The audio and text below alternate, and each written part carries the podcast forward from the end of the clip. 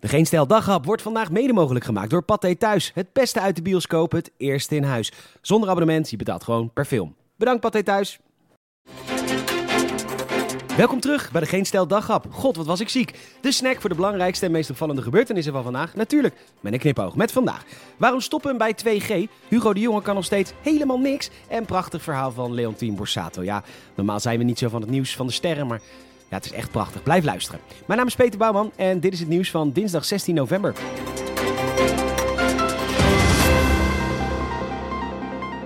Er wordt op dit moment in de Tweede Kamer gedebatteerd over het invoeren van de 2G-pas, genezen of gevaccineerd. En wij ergeren ons er al langer aan.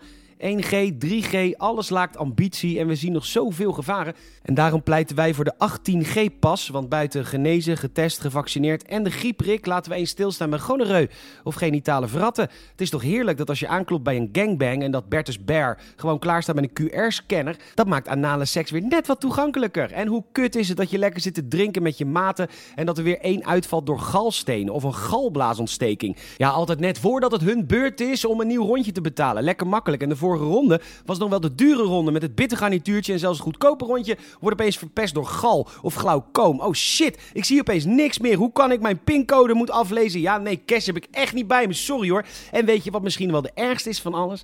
De gewone hoofdpijn. Dat je met je meisje in bed ligt en dat ze begint te klagen over de gewone hoofdpijn. Nee, hier die QR-code, want ik geloof er werkelijk geen ene zak van. Zeg dan liever, ik vind je niet meer aantrekkelijk of je stinkt of je bent gewoon een hele nare man. Prima, maar niet de gewone hoofdpijn, kut. Oh, je hebt opeens gymnofobie, angst voor naaktheid of genofobie, angst voor seks en geniofobie, angst voor mijn kin. Nu opeens. Mijn scanner is er klaar voor. Ja, sorry. Sorry dat ik schreeuw.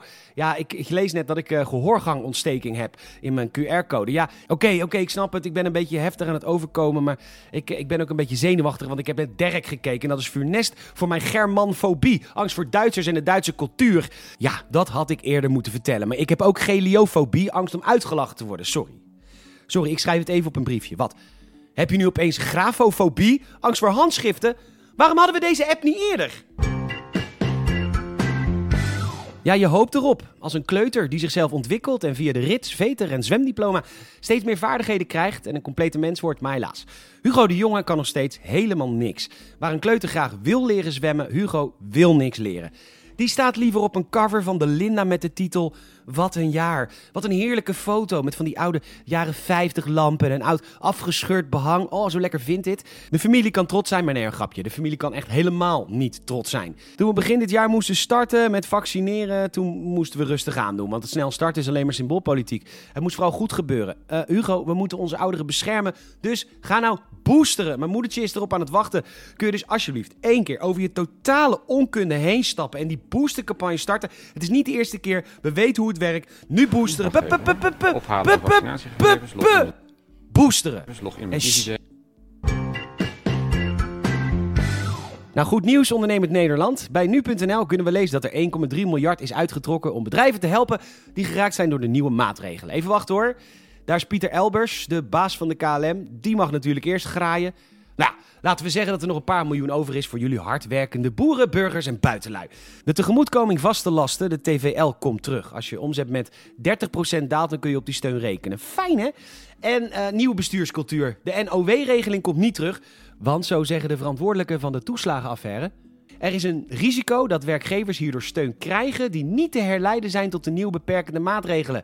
Kijk, zo mag ik het horen. Ja, ondernemers, jullie waren misschien dan tot 12 uur open en dat is dan nu tot 8 uur, dus dat is 4 uur minder klandizie. Een gemiddelde consument drinkt 1 à 2 consumpties per uur, dus u verliest 4 tot 8 consumpties per gast, maal 2,40 euro en dat is dan 9,60 euro of 19,20 euro per avond per gast. Uitgaande van 70 gasten is dat 672 of 1348 euro per avond. Maar ja, dat is omzet hè, Weet u veel of uw zaak wel vol zou zitten, leugenachtige horeca-ondernemer? Of wellicht zou de vereniging van de maandcyclus bij u komen eten. En die drinken twee glazen verse gemberthee op een avond, wat overigens geen thee is, maar gewoon heet water met een beetje dorre gember erin geflikkerd. Want het maken van thee is de edele ambacht van het drogen van theebladeren, de Camellia sinensis. En niet van, oh, we kenkeren er weer wat droge muntbladeren in na 3,19 euro.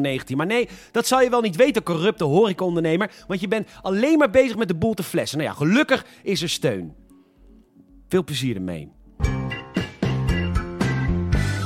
Uh, we sluiten af met een prachtig artikel bij het laatste nieuws. Zij interviewen Leontien Borsato, een echte powervrouw, over de zware tijd die ze had met haar man. Uh, Marco Borsato had kortstondig een affaire, tenminste waarschijnlijk al jaren. Maar Leontien gelooft Marco van nee, het was echt maar een jaar. En Leontien, oh, powervrouw, heeft Iris de matresse ontmoet. Ik gun het haar, heeft ze gezegd tegen de matresse. Ik gun dat je een nieuwe liefde vindt. Wat een, uh, wat een powervrouw, wat, wat knap. Gelukkig hebben John Eubank, ach, ook zo'n powerbank, en Marco Borsato dit prachtige verhaal natuurlijk al vertolkt in een geweldig nummer. Je hoofd is 20 jaar jonger en je benen 20 jaar jonger en je ogen 20 jaar jonger en je lichaam 20 jaar jonger en ook naakt ben je 20 jaar jonger. Ik ben oud Jij bent 20 jaar jonger. God, wat ben je? 20 jaar jonger. 20 jaar jonger is echt veel geiler. Bedankt voor het luisteren. Je zou ze enorm helpen als je een vriend of vriendin vertelt over deze podcast. Je kan ons een Apple Podcast review geven. Vijf sterren alsjeblieft. En je kan ons volgen via vriendvandeshow.nl of Spotify. Krijg je altijd een hartje als er een nieuwe daghap verschijnt. Nogmaals bedankt voor het luisteren en tot morgen.